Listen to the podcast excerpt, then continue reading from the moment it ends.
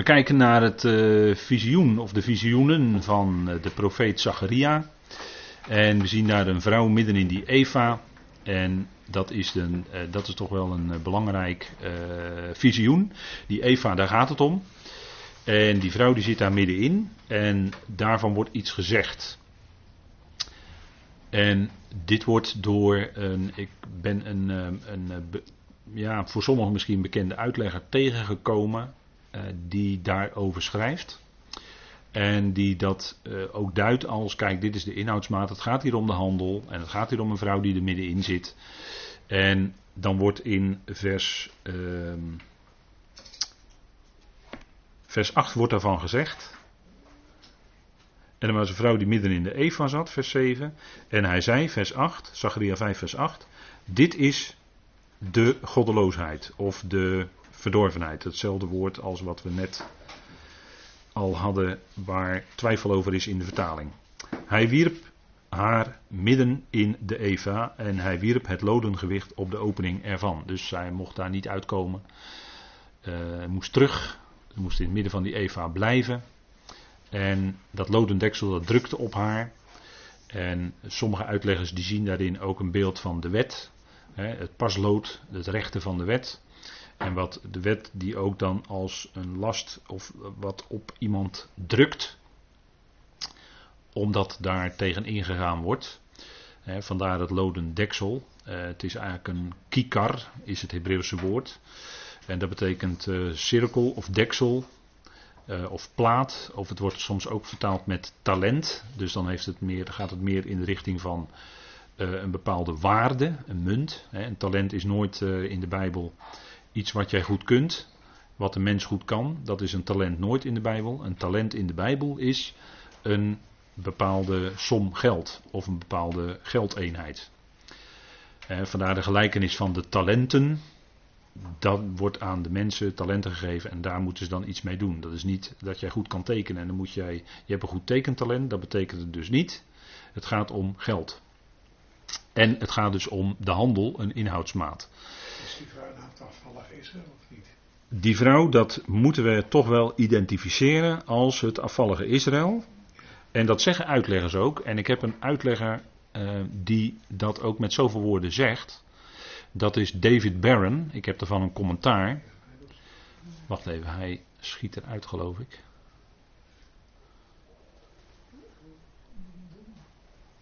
Ja. Ja, komt wel, komt wel weer goed. Hij start hem alweer op. Sorry, hij. Uh, we starten heel even de PowerPoint opnieuw op. Die sloot even spontaan af.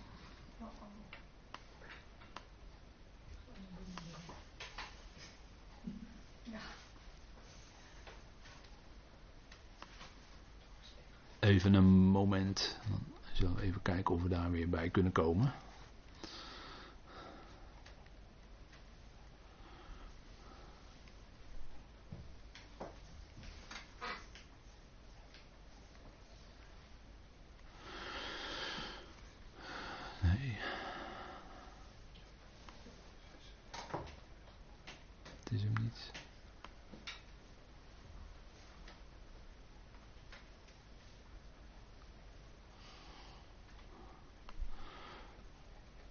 Dus die uh, vrouw midden in de Eva, en ik kreeg er nog een vraag over middenin, dat betekent echt in het centrum ervan zitten. Hè?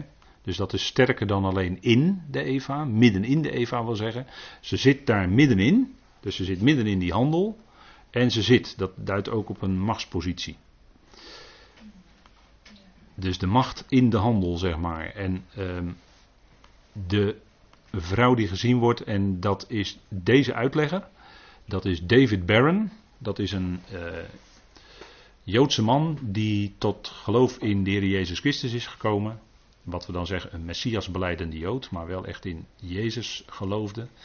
En die heeft een commentaar geschreven op Zacharia. En dat dateert uit uh, 1918. Dus dat is 100 jaar geleden. Dat, uh, dat wil ik toch wel even vaststellen hoor. 100 jaar geleden schrijft hij dus over dit. Over zijn eigen volk, wat hij zag toen. En dat is naar aanleiding van Zacharia 5, dit visioen, die vrouw in de Eva.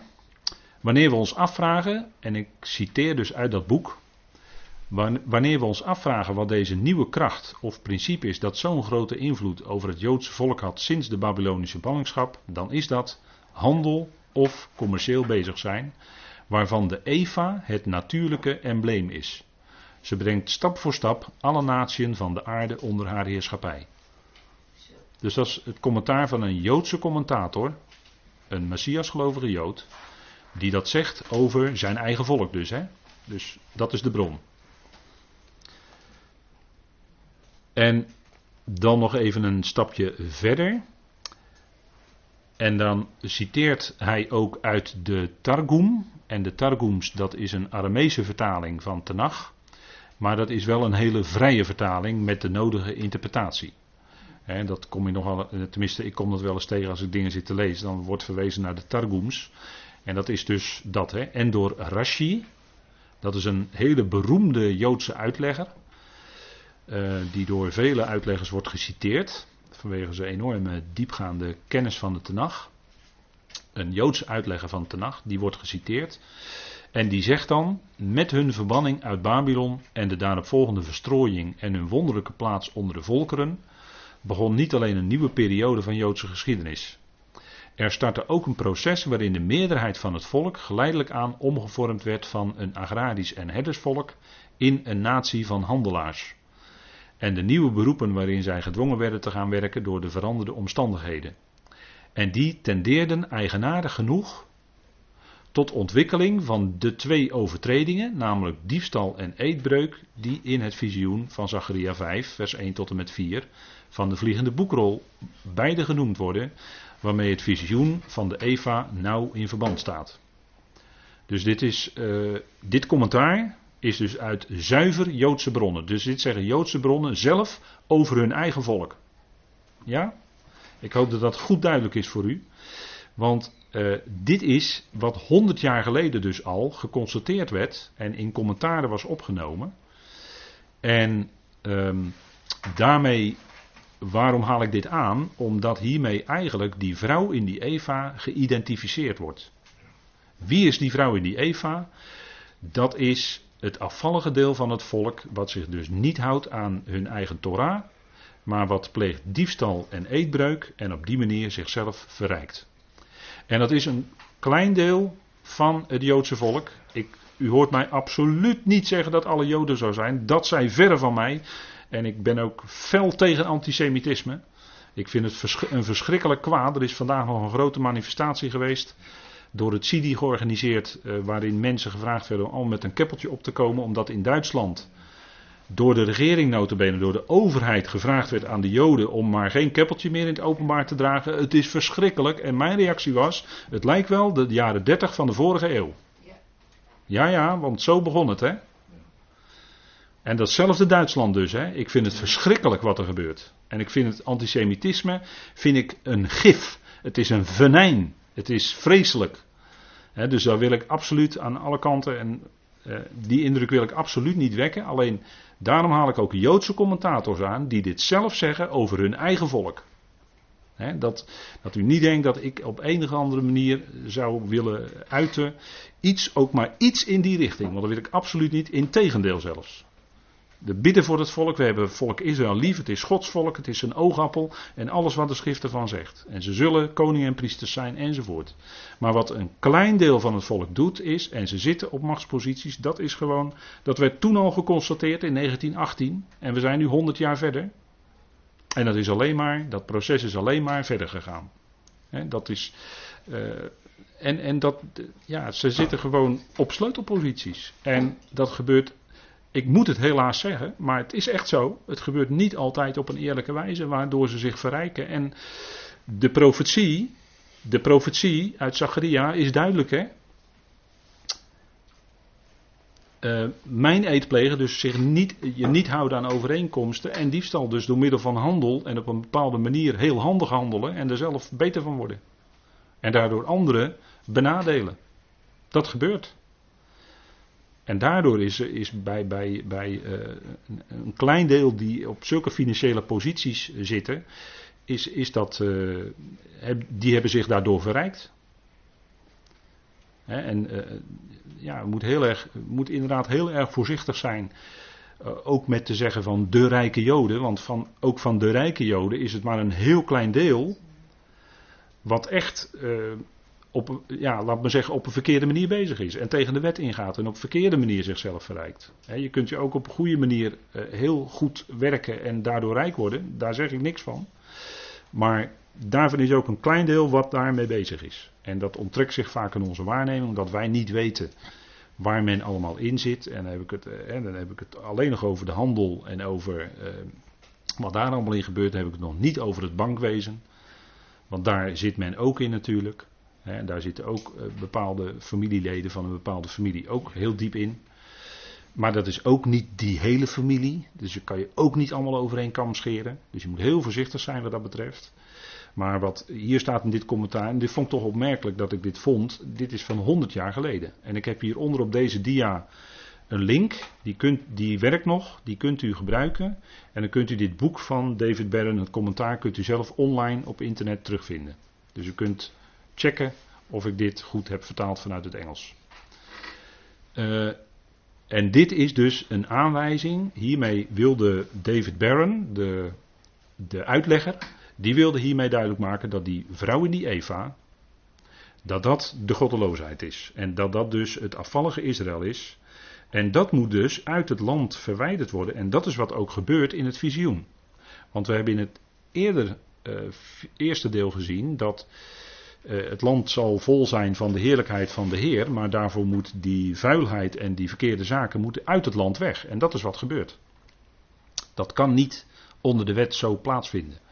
Dus moet dat ergens anders naartoe gaan. En dan is het eigenlijk het oude verhaal. Is dat zij, voor wat betreft het afvallige Israël, in zekere zin terugkeren naar hun oorsprong. Want waar kwamen ze eigenlijk vandaan?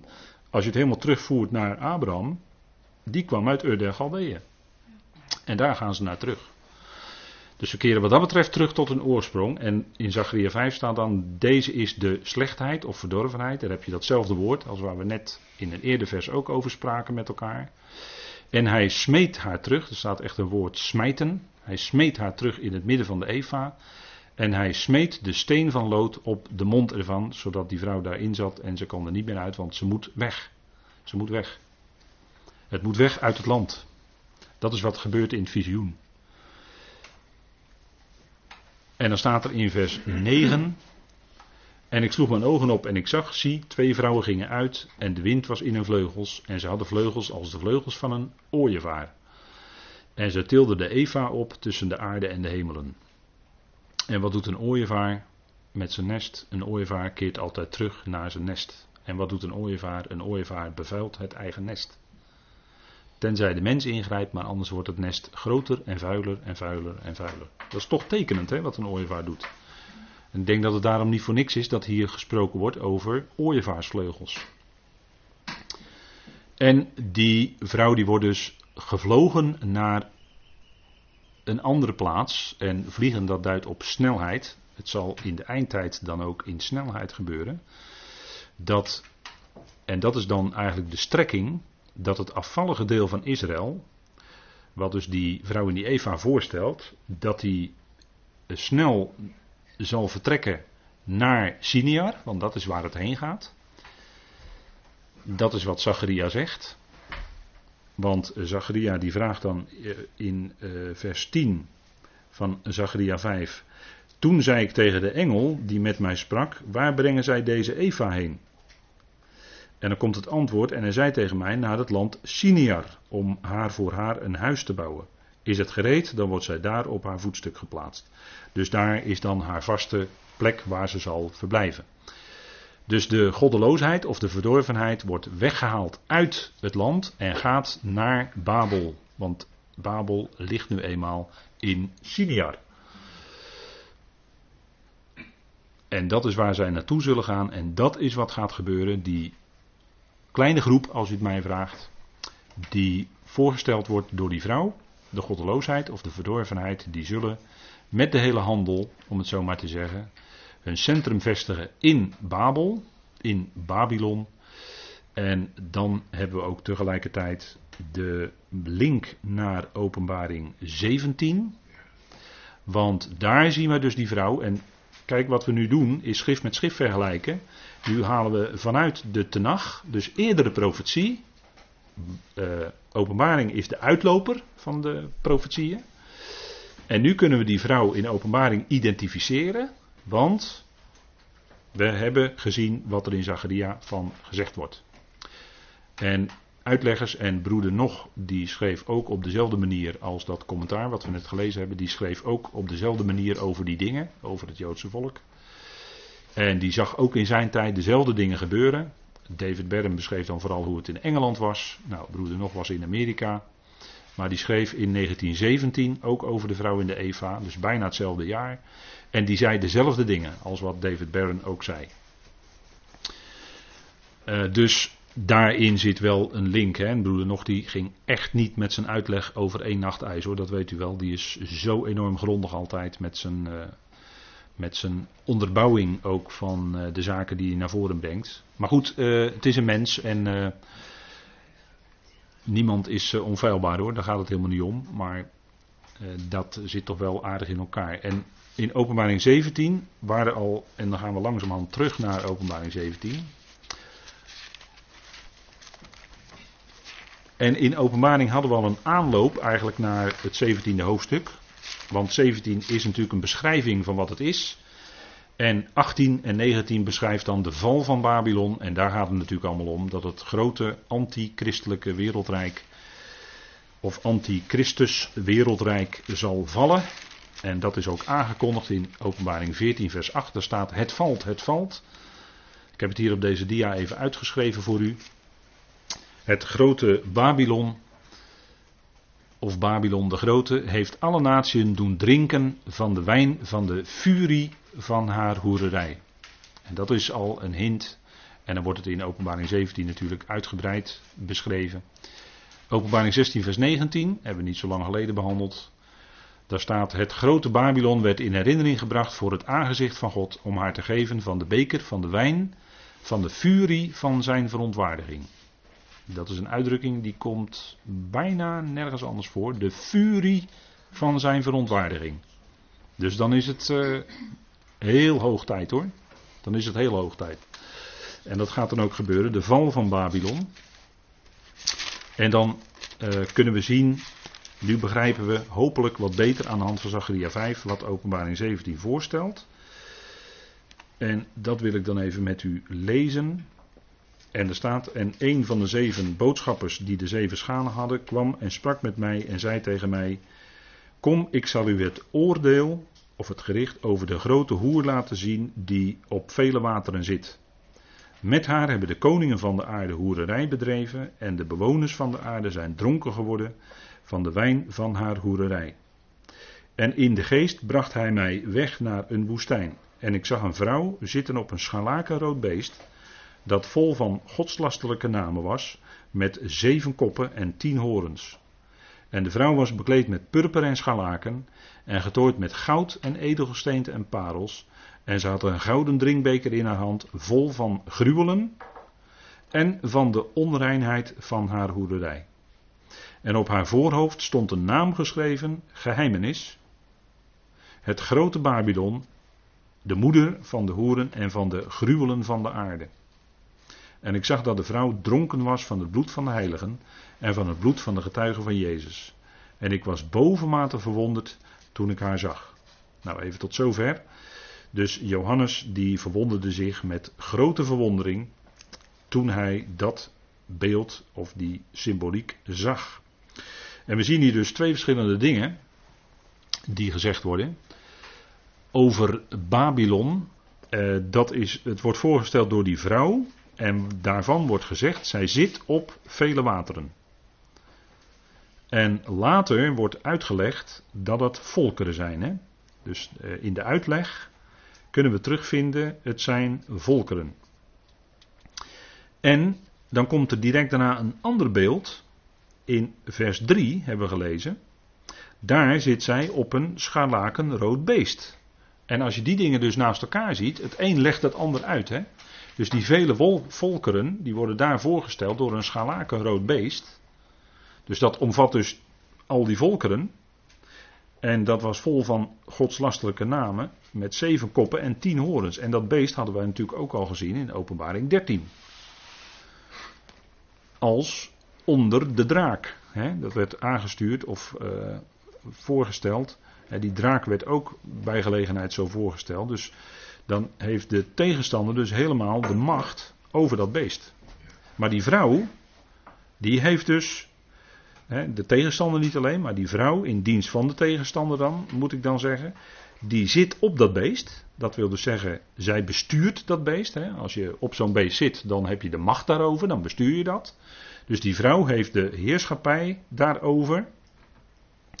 En de koningen, of, en natuurlijk daaronder de koninkrijken van de aarde, dus de volkeren, die hebben allemaal op een of andere manier zijn die uh, verbonden met die vrouw. En dan wordt dat beeld ook verder in openbaring 17 uitgelegd. En daar gaan we natuurlijk de volgende keer wel, de volgende keren, want daar hebben we wel meer tijd voor nodig. Gaan we de volgende keren met elkaar dieper op in. Maar uh, ik wijs u erop, bijvoorbeeld vers 4, purper, scharlaken. Dat zijn kleuren van de koninklijke heerschappij. Hè? Purper is de kleur van de koning. Scharlaken is ook een kleur, hè? een diepe rode kleur is, uh, heeft te maken met macht. En er is veel rijkdom. Goud, edelgesteente, parels. Dus die vrouw is ook schat en schatrijk geworden. Dus dat is, uh, dat is er ook bij. Hè? Dus tel dat bij elkaar op. En we leggen dat naast Zacharia 5. Dan hebben we die vrouw geïdentificeerd als het afvallige Israël. Wat in de eindtijd de heerschappij zal hebben over de volkeren. En dat hebben zij door middel van het geld en door middel van de handel. En als daar 100 jaar geleden al zo over geschreven werd, uh, denkt u erom dat in de afgelopen 100 jaar dat proces alleen maar veel verder is doorgegaan. Er is geen enkele aanwijzing dat het ooit gestopt is, het is alleen maar meer geworden. dat is uh, in het bankwezen uh, zit men ook heel diep. Joodse mensen, een aantal zitten heel diep in het bankwezen. En het is gewoon bekend dat de Rothschild Bank heel veel macht heeft. Wat denkt u ervan? ABN AMRO Rothschild. Ja, ja, ja, ja. Dat was bij de beursgang van uh, uh, mevrouw Brink, hoe heet ze? Uh, Brink, met World Online. Die beursgang die werd begeleid en er stond eronder ABN AMRO Rothschild. En daar is zij schatrijk van geworden, die mevrouw. Want ja, want de World Online, dat zat in de internethype destijds, hè, rond het jaar 2000 was dat. En dat was toen heel veel waard en daarna is dat enorm gekelderd. Maar zij heeft er verschrikkelijk op, hoe noemen ze dat, gecashed hè, tegenwoordig. Zij heeft daar verschrikkelijk veel geld aan verdiend. Ze is daar multimiljonair van geworden. En dat was, achteraf, de commentaren lezend, was dat niet helemaal fraai hoor, wat er toen gebeurde. Maar goed. U weet, ik heb het u gezegd, het is begeleid. U kunt het allemaal terugvinden hoor, want wat ik zeg, dat heb ik ook uit, uh, uit de prospectus enzovoort. Het staat allemaal gewoon openbaar, is dat toen geweest. ABN AMRO Rothschild. Die bank heeft het begeleid. Dan weet u hoe bepaalde dingen werken in deze wereld. Goed, ik wil het hierbij laten. Het is uh, tien uur. We gaan met elkaar afsluiten met gebed. Vader, dank u dat we ook vanavond weer een stap konden zetten in de bespreking van openbaring. En vader, als we zien dat openbaring deze hoofdstukken toch is waar het om draait, de afsluiting van deze boze aion. Vader, want het karakter, en dat zien we hoe langer, hoe duidelijker, van deze aion is boosaardig. En desondanks, vader, baagde u het om midden in die boze aion uw eigen zoon te laten kruisigen en ook op te wekken uit de dood. Vader, dat was uw liefde. Juist tegen die enorme donkere achtergrond van de meest kwade aion laat, laat u die liefde en die genade van u zo helder schitteren. Vader, we danken u daarvoor. We danken u dat we op weg zijn en dat we in feite heel dicht tegen dat moment aanzitten. Vader, de bazuin eerst en daarna gaat alles wat in de openbaring staat ook in snelheid vervuld worden. Vader, en dat geldt ook voor Babylon. Dat zal vallen. U zal het gericht daarover brengen. En het zal nooit meer terugkomen. Vader, ook dat is voorzegd. En daar gaan we naartoe. En dat is het uitzicht, de hoop, de verwachting die we hebben. Vader, Het zal zeker zo zijn en we danken u dat wij als gemeenteleden eerdere verwachting hebben dan Israël zelfs, uw geliefde volk, uw oogappel. Vader, dank u wel dat u ook met hen tot het doel zult komen en dat we die liefde van u ook mogen uiten richting dat volk, Vader, waar we kunnen. We danken u dat u hen zal aanstellen als koning en priesters in de komende duizend jaar. We danken u dat u ook de ongerechtigheid en de verdorvenheid zal wegdoen uit dat volk. Vader, want u handelt naar uw woord. Vader, en dat is geschreven en voorzegd. We danken u dat u het zo gaat doen, dat we daardoor de hoop en het uitzicht en de verwachting hebben van heerlijkheid. Vader, u doet en zult doen boven bidden en boven denken zelfs. Vader, we danken u dat we mogen uitzien naar die terugkeer van uw zoon. Vader, dank u wel voor uw liefde, goedheid en trouw. Dank u voor deze avond die u wilde geven. Dat we zo met elkaar weer een stapje verder ons konden verdiepen in dat woord van u. We danken u dat u een goede vader bent. We loven en prijzen u in die machtige naam van uw geliefde zoon. Amen.